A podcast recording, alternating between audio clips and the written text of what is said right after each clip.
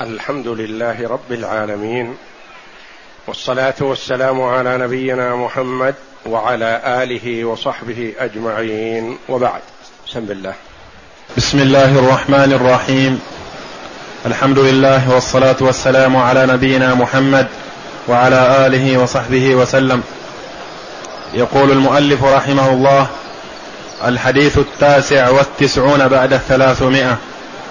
عن سهل بن سعد الساعدي رضي الله عنه قال أن رسول الله صلى الله عليه وسلم قال رباط يوم في سبيل الله خير من الدنيا وما عليها وموضع سوط أحدكم من الجنة خير من الدنيا وما عليها والروحة يروحها العبد في سبيل الله أو الغدوة خير من الدنيا وما فيها. هذا الحديث في الصحيحين وفي غيرهما عن سهل بن سعد رضي الله عنه أن رسول الله صلى الله عليه وسلم قال رباط يوم في سبيل الله خير من الدنيا وما عليها. رباط والمرابطة هي الإقامة في ثغر من ثغور المسلمين. والثغر يكون الحد الفاصل بين بلاد المسلمين وبلاد الكفار. والمرابطة من أجل حماية المسلمين وبلادهم من إغارات من غارات الأعداء وتسلط الأعداء عليهم ولهذا استحب كثير من. من العلماء الحرص على الإقامة في الثغور وأوصى بعضهم بأن يجتمع أهل الثغر في مسجد واحد حتى يكثر عددهم ويكون في هذا إخافة للأعداء من أن يهموا بالإغارة على بلاد المسلمين. رباط يوم يعني يوم واحد يقيم فيه المسلم على الحد حماية للمسلمين خير من الدنيا وما عليها. الدنيا وما عليها من أولها إلى آخرها لا تساوي رباط هذا اليوم. وذلك أن الدنيا لا قيمة لها عند الله. الدنيا فانية. والعمل الصالح ثوابه باق عند الله جل وعلا. والمجاهد في سبيل الله له أعلى الدرجات عند الله جل وعلا يوم القيامة. وميز الله جل وعلا الشهداء بأنهم أحياء عند ربهم يرزقون.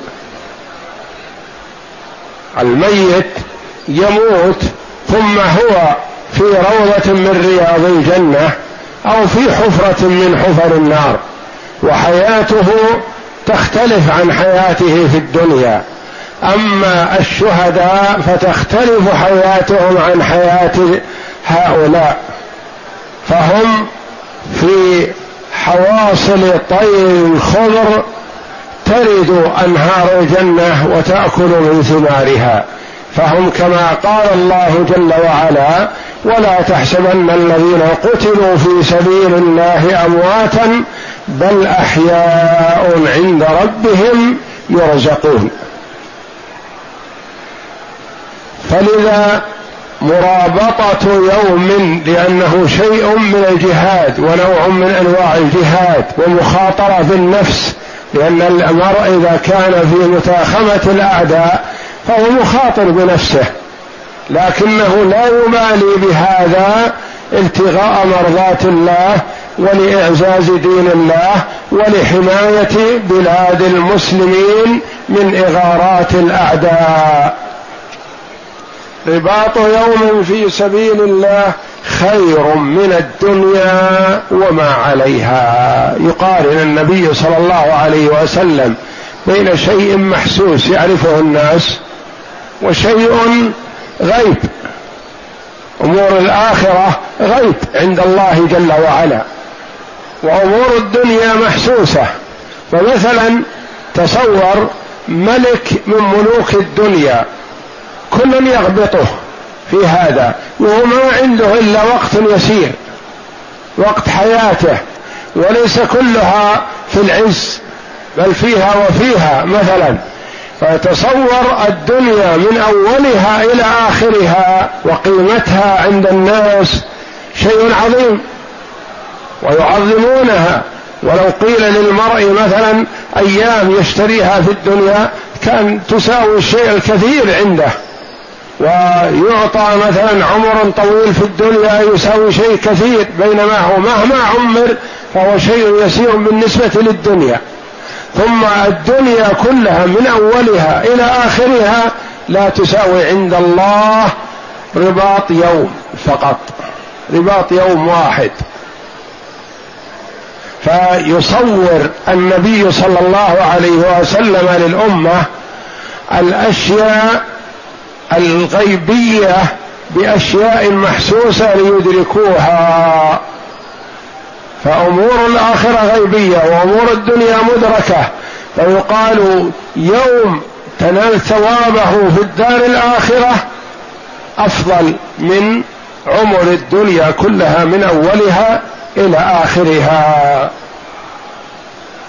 وموضع سوط أحدكم من الجنة خير من الدنيا وما عليها. السوط هو العصا الصغيرة ما هي عصا كبيره ولا هي عصا مجاهدة أو مضاربة قوية وإنما عصا الصوت يضرب به الولد والخادم ونحو ذلك شيء بسيط صغير. موضع السوط هذا ما ما له طول عظيم ولا له عرض شيء بسيط. موضعه من الجنة خير من الدنيا من أولها إلى آخرها. يبين عليه الصلاة والسلام عظم شأن الجنة وأن مكان السوط فيها يعادل الدنيا من أولها إلى آخرها. والروحه يروحها العبد في سبيل الله أو الغدوة خير من الدنيا وما فيها. الروحه رواح والرواح من بعد الزوال إلى المغرب. والغدوة من الغدو وهو الغداء والصباح من الفجر ومن طلوع الشمس أو طلوع الفجر إلى الزوال. يعني المرء يسير في سبيل الله غدوة أو روحة الواحدة منهما خير من الدنيا وما عليها. وأمر النبي صلى الله عليه وسلم أحد الصحابة رضي الله عنهم على جيش على سرية فقال لهم اخرجوا أميرهم أمرهم أن يخرجوا وتخلف عنهم قليل. لما؟ ليشهد الصلاة مع النبي صلى الله عليه وسلم. صلاة الظهر. ليشهد صلاة الظهر وهم مشوا في الصباح. فقابله النبي صلى الله عليه وسلم فلما تخلف عن أصحابه فبين له أنه تخلف لأجل يصلي مع النبي صلى الله عليه وسلم معه. فقال لو أنفقت ما في الدنيا ما بلغت أجر أو ثواب غدوتهم هذا. يعني ما يعادلها شيء من الدنيا. يعني فوتت على نفسك شيئا عظيم. غدوتهم هذه التي ساروا فيها قبلك وتلحقهم بعد الظهر فوتت على نفسك خيرا عظيما. والروحه يروحها العبد في سبيل الله يعني يخرج للجهاد في سبيل الله ولإعزاز دين الله أو الغدوة خير من الدنيا وما فيها. هذه الجمل الثلاث في كل واحدة يقول عليه الصلاة والسلام خير من الدنيا وما فيها. لما؟ لأنها أمور أخروية. أمور اما يتعلق بحال الجنة أو حال الدفاع عن الإسلام والمسلمين أو حال الخروج للجهاد في سبيل الله. كل هذه وإن كانت على فترات قصيرة أو مثلا آه، يوم في رباط أو غدوة من الصباح إلى الظهر هذه تعدل الدنيا وما عليها من أولها إلى آخرها بما فيها من الزخارف والأموال والملوك وغير ذلك. كل هذه لا تساوي غدوة أو روحة أو رباط يوم أو موضع سوط في الجنة. والسوط هو أرفع وأعلى من القضيب وأصغر من العصا. يعني العصا الذي يضرب به مثلا الإبل أو يضرب به الأشياء الكبيرة والسوط يضرب به الخادم والولد للتعليم والتأديب والزجر ونحو ذلك. يعني أن موضع السوط خير من الدنيا وما عليها. وهذا كله من النبي صلى الله عليه وسلم بيان لحقارة الدنيا وعظم شأن الآخرة وما يتعلق بها. اقرأ. الغريب. رباط يوم في سبيل الله. الرباط بكسر الراء وفتح الباء. الموحدة. الخفيفة هو ملازمة. الموحدة. يعني الباء باء يعني بنقطة واحدة. نعم. هو ملازمة المكان الذي بين المسلمين والكفار لحراسة المسلمين منهم. سوط بفتح السين وسكون الواو أداة ضرب فوق القضيب ودون العصا. القضيب يعني مثل قضيب السواك والعصا اللي مثل يضرب به الإبل ونحو ذلك. والسوط بينهما يعني أرفع وأعلى مستوى وأطول من السواك وأصغر من العصا. الروحة بفتح الراء السير من الزوال إلى الليل ويراد بها المرة, المرة الواحدة. يعني روحة واحدة يوم واحد. يعني بعض يوم من الزوال إلى الليل. نعم. الغدوة بفتح الغين السير في أول النهار إلى الزوال ويراد بها المرة الواحدة المعنى الإجمالي يبين النبي صلى الله عليه وسلم فضل المرابطة في الجهاد في سبيل الله بأن ثواب مرابطة يوم خير من الدنيا وما فيها لما في ذلك من حراسة المسلمين والإقامة في وجوه الأعداء الذين يتربصون الدوائر. الذين يتربصون الدوائر والفرص بالمسلمين فيهجمون عليهم ولما فيها من المخاطرة بالنفس لحفظ المسلمين وصيانتهم من عدوهم. ثم يبين صلى الله عليه وسلم حقارة الدنيا بالنسبة للآخرة ليزهدهم فيها رغبة فيما عنده فيرخصوا أنفسهم في سبيله وفي سبيل إعزاز دينه. فموضع الصوت فيها خير من الدنيا وما فيها لأن هذه فانية وتلك باقية ولأن هذه منغصة وتلك منعمة ولأن ما في هذه من المتاع والنعيم لا يقارن بنعيم تلك الدار التي فيها ما لا عين رأت ولا أذن سمعت ولا خطر على قلب بشر. يعني مهما تصور الإنسان نعيم الآخرة ما يدركه. فوق ما يتصوره ولا خطر على قلب بشر. أعددت لعبادي كما جاء في الحديث أن الله جل وعلا يقول أعددت لعبادي الصالحين ما لا عين رأت ولا أذن سمعت ولا خطر على قلب بشر. يعني ما يخطر على قلب الإنسان مستوى النعيم في الدار الآخرة. مهما تصورته فهو اعلى مما تتصور. نعم. وثواب الروحه وثواب الروحه أو الغدوه في سبيل الله مرة واحدة خير من الدنيا وما فيها. لما للمجاهد من عظيم الأجر وجزيل الثواب. لأن المجاهدين باعوا أنفسهم الغالية لله تعالى بثواب الجنة.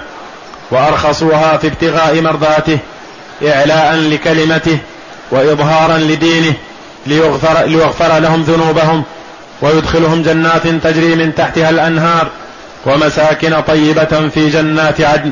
ذلك الفوز العظيم.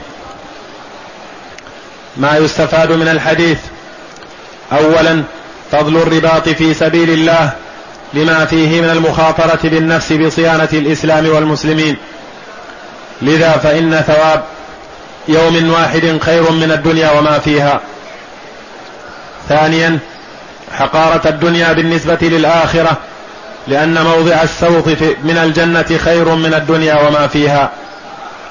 ولو لم يكن بينهما إلا هذه فانيه وتلك هذه الا ولو لم يكن بينهما إلا أن هذه فانيه وتلك باقية فإن الرغبة في الباقي وإن كان خزفا خير من الفاني وإن كان صدفا.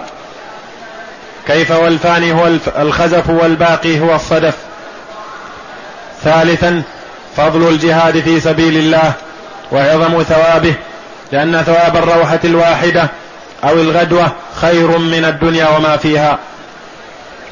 رابعا رتب هذا الثواب العظيم على الجهاد لما فيه من المخاطرة بالنفس طلبا لرضا الله سبحانه وتعالى ولما يترتب عليه من إعلاء كلمة الله ونصر دينه ونشر شريعته لهداية البشرية فهو ذروة سنام, سنام الإسلام لما في حديث معاذ بن جبل.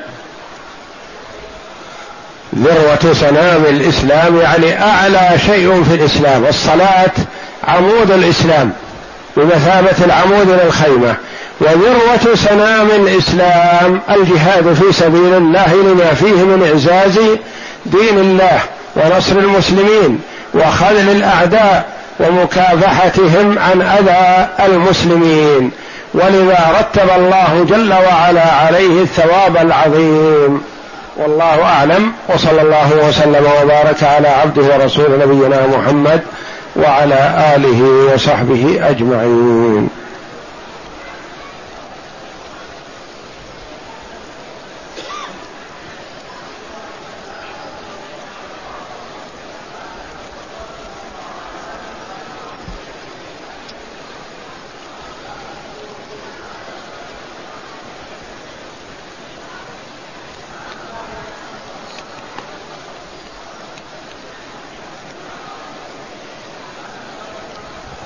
يقول السائل هل المرابط داخل البلد يعادل المرابط على الثغور؟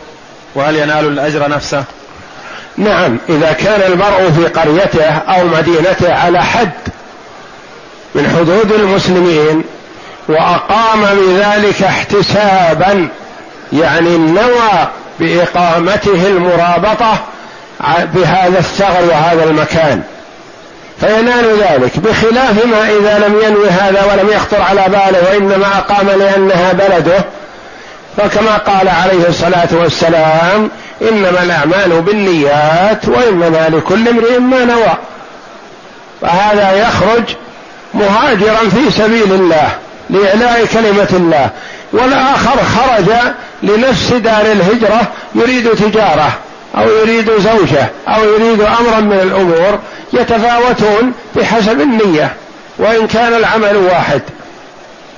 فهو إذا أقام في بلاد على الثغر وعلى الحد بنية المرابطة فالله جل وعلا يعطيه هذا الثواب.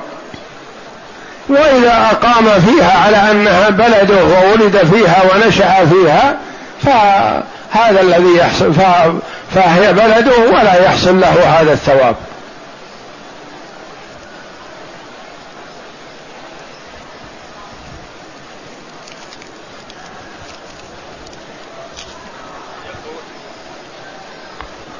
يقول هل يجوز تعزية النصارى واتباع جنائزهم مع العلم أنهم يفعلون ذلك في القرية عندهم؟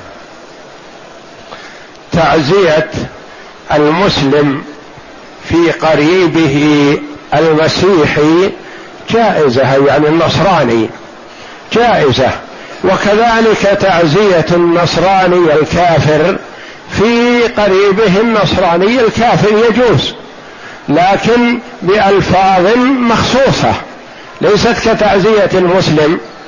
أنت تقول مثلا للمسلم أحسن الله وعزاك وعظم الله أجرك وغفر لميتك فبتعزيتك للمسلم تدعو له وتدعو للميت. إذا عزيت مسلما بكافر تقول أحسن الله عزاك وعظم الله أجرك ولا تقول غفر الله لميتك لأن الميت كافر. لن يغفر له وهو مات على كفره. وإذا عزيت كافرا بكافر تقول أحسن الله عزاكم ولا تقول عظم أجرك لأنه لا أجر له في الدار الآخرة الكافر. ولا تدعو لميته بالمغفره وإنما تدعو له بحسن العزاء. وحسن العزاء تدعو بها للمسلم والكافر.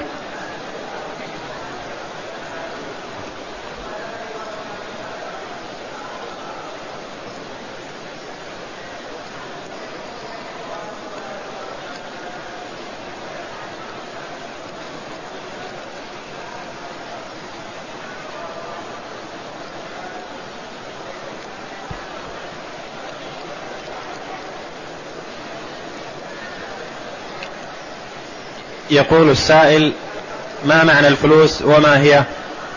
الفلوس اللي يتعامل بها جعلت نقد من غير الذهب والفضة. سمى فلوس مثل القروش ونحوها.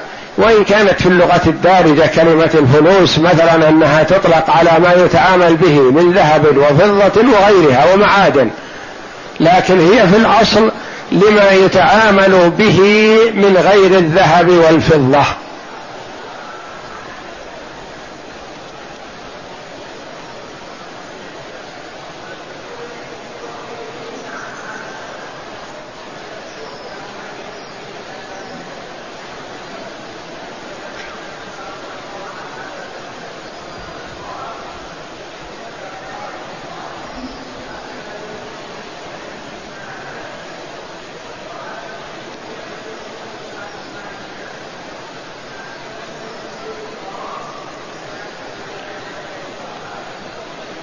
يقول السائل أنا أسكن داخل حدود الحرم ويقوم طائر الحمام ببناء أعشاشه في نوافذي فإذا استطعت أن أزيله قبل أن, أن يبيض فأنا أقوم بذلك. وإذا وضع أنتظر حتى يفرخ وتذهب وتطير أفراخه فهل علي شيء؟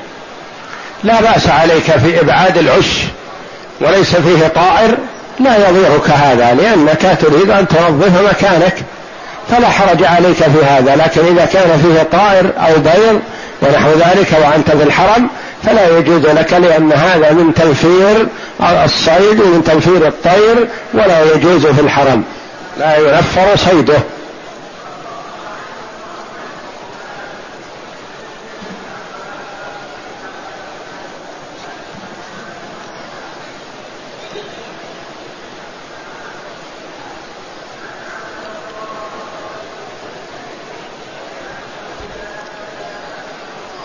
يقول ما حكم الصلاة خلف إمام يرتكب المعاصي؟ هذا لا يخلو.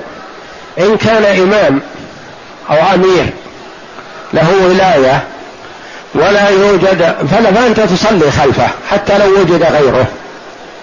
وأما إذا لم يكن له ولاية فلا يخلو. إن كانت الصلاة خلفه فيها تأليف ودعوة إلى الله وترغيب في العمل الصالح وجمع لكلمة المسلمين فتصلي خلفه. وإن لم يكن فيها ذلك شيء فتختار أن تصلي خلف التقي. فما ينبغي للمرء أن يصلي خلف الفاجر والمعاصي وهو يجد أفضل منه إلا إذا كان أميرا أو ذا ولاية فيصلى خلفه وإن كان فاجرا كما صلى بعض الصحابة رضي الله عنهم خلف من يشرب الخمر ممن له إمارة. وصلى بعض الصحابة خلف الحجاج ابن يوسف وهو سفاك وقتال للأبرياء.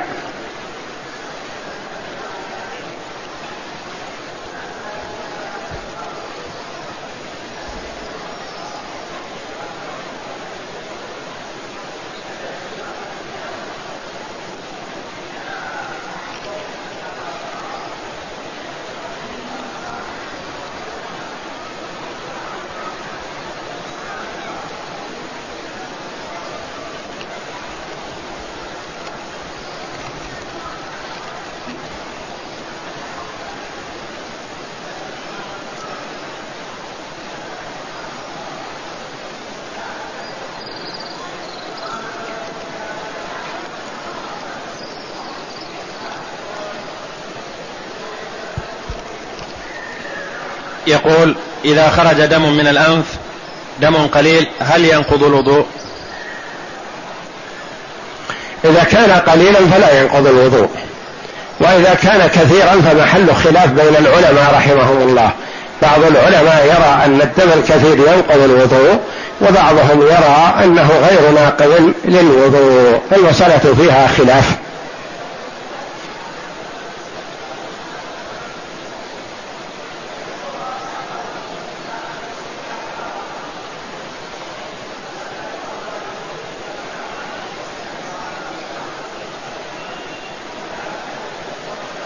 هذا يسأل عن خلاف حول سكن بيت ونحو ذلك. هذه ليست فتوى وإنما هذا خلاف مرده للمحكمة. إذا كان أحدهم يطالب الآخر بشيء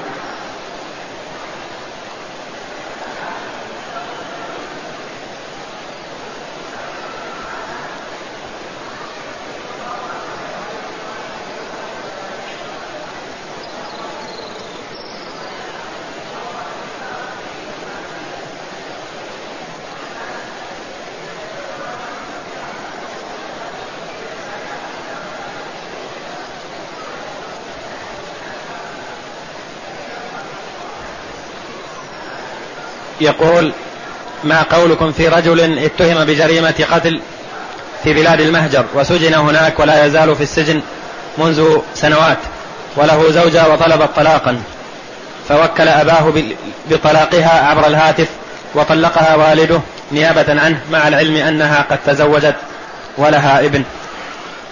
طلاق والده صحيح إذا وكله وطلقها الوالد فالوكيل يقوم مقام موكله في الطلاق والطلاق حينئذ يكون صحيحا فإذا تمت عدتها فتتزوج بمن شاءت.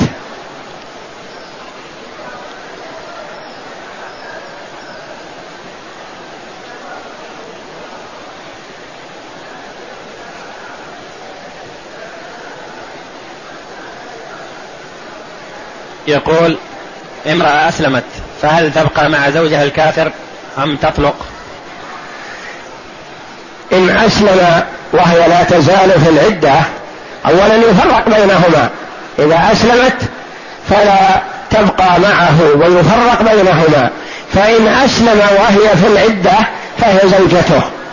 وإن استمر على كفره فتبين منه. وتخرج من العدة وتتزوج من شاءت لكن في هذا لا بد من حكم حاكم. هي أولا لا تمكن الكافر من نفسها أبدا.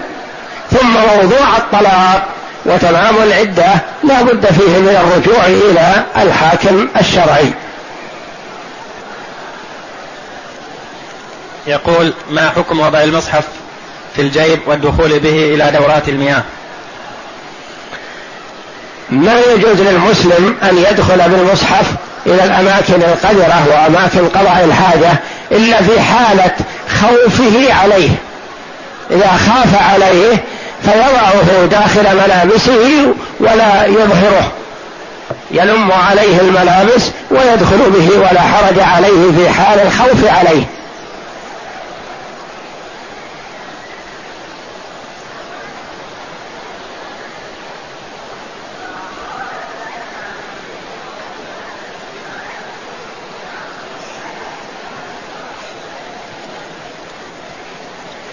يقول هل الجنود الذين في الجيش ينطبق عليهم هذا الحديث؟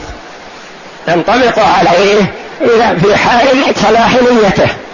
إذا صلحت نيته انطبق عليه حتى لو أخذ راتب أو أخذ مكافأة على هذا ونحو ذلك. وإذا كان هدفه الراتب فقط أو هدفه مضاعفة الراتب لأن العادة أن من يكون في الأطراف تزاد لهم الرواتب أو يعطون مكافأة على هذا ونحو ذلك وكان هدفه الدنيا فليس له إلا ذلك. فهو بحسب النية. إنما الأعمال بالنيات وإنما لكل امرئ ما في جميع الأعمال التي اشترط فيها القرب التقرب إلى الله جل وعلا يكون على حسب نية العبد. فمثلا يقرأ القرآن ويعلم القرآن ويأخذ مكافأة. نقول بحسب نيته. وكان ليس له إلا ذلك. وإن كان هدفه التقرب إلى الله جل وعلا بتعليم القرآن وأخذ الراتب ليستعين به وليقوم بما يلزم له من نفقة وغير ذلك فله أجره. وبحسب حال للمرء ونيته إنما الأعمال بالنيات وإنما لكل امرئ ما نوى. فهذا الحديث حديث عظيم تدور عليه كثير من أحكام كثير من أحكام الدين. إنما الأعمال بالنيات وإنما لكل امرئ ما نوى. في الجهاد في التدريس في التعليم في جميع المصالح في الحج في العمرة في جميع القرب بحسب نية العبد.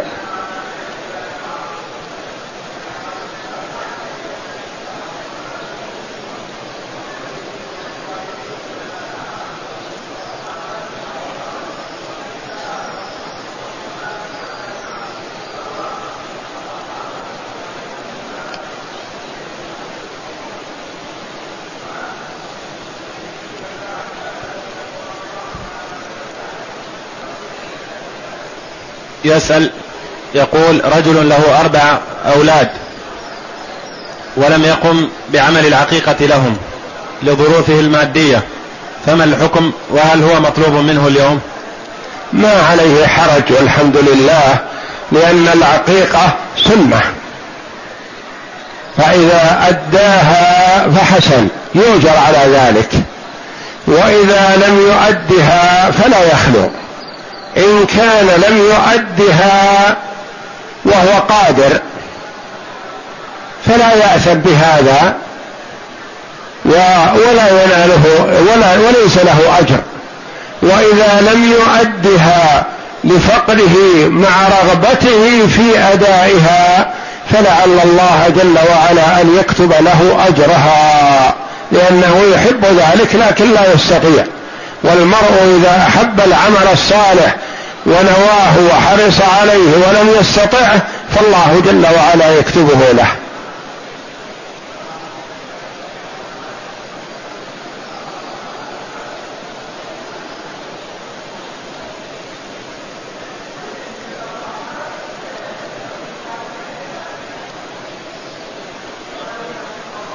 يقول أنا أتوب إلى الله وأحافظ على الصلوات والسنن والنوافل ومع ذلك أعمل منكرا وأقع فيه وأنا أقوم بهذه الأعمال ثم أتوب وأستغفر مرة أخرى ومع ذلك أعود.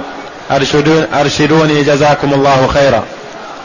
أنت في حال مجاهدة مع الشيطان وتتغلب عليه أحيانا بالتوبة ثم يتغلب عليك أحيانا بالعودة إلى الذنب مرة أخرى.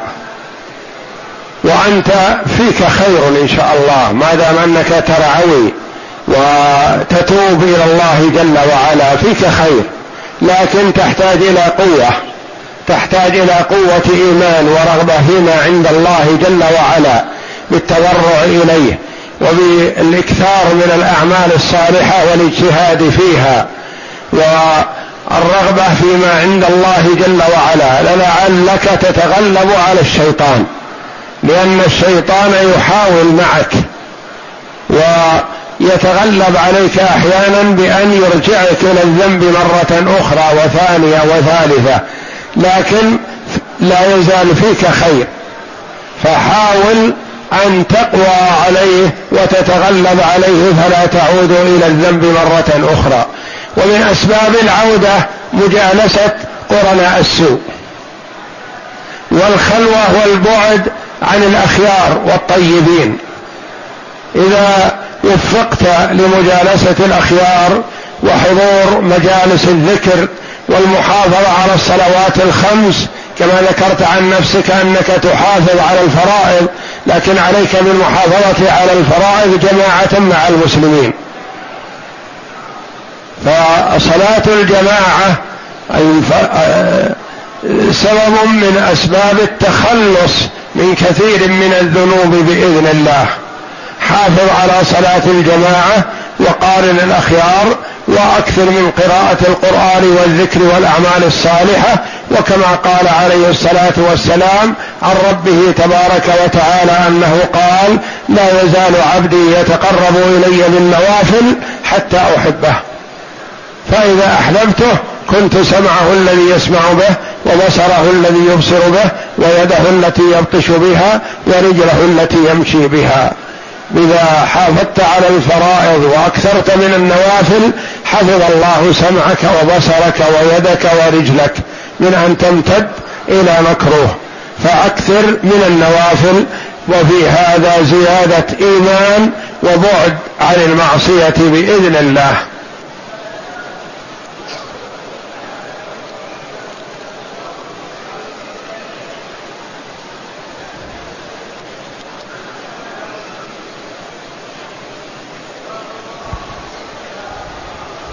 يقول دخلت المسجد الحرام وتوجهت إلى زمزم فشربت وأنا جالس اقتداء بالنبي صلى الله عليه وسلم.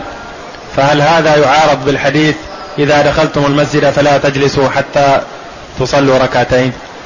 ما يحسن أن تجلس حتى ولو لشرب الماء لأنك إذا دخلت المسجد فابدأ بتحية المسجد فإذا صليت فحينئذ تجلس.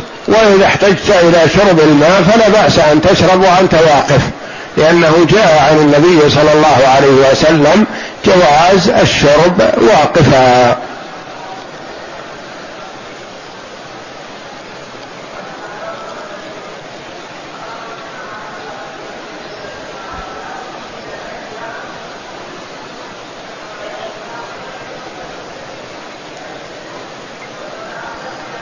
يقول جئت لأداء عمرة فهل يجوز لي أن أعمل عمرة عن والدي المتوفى منذ 72 سنة وأن أحرم من مسجد عائشة في التنعيم؟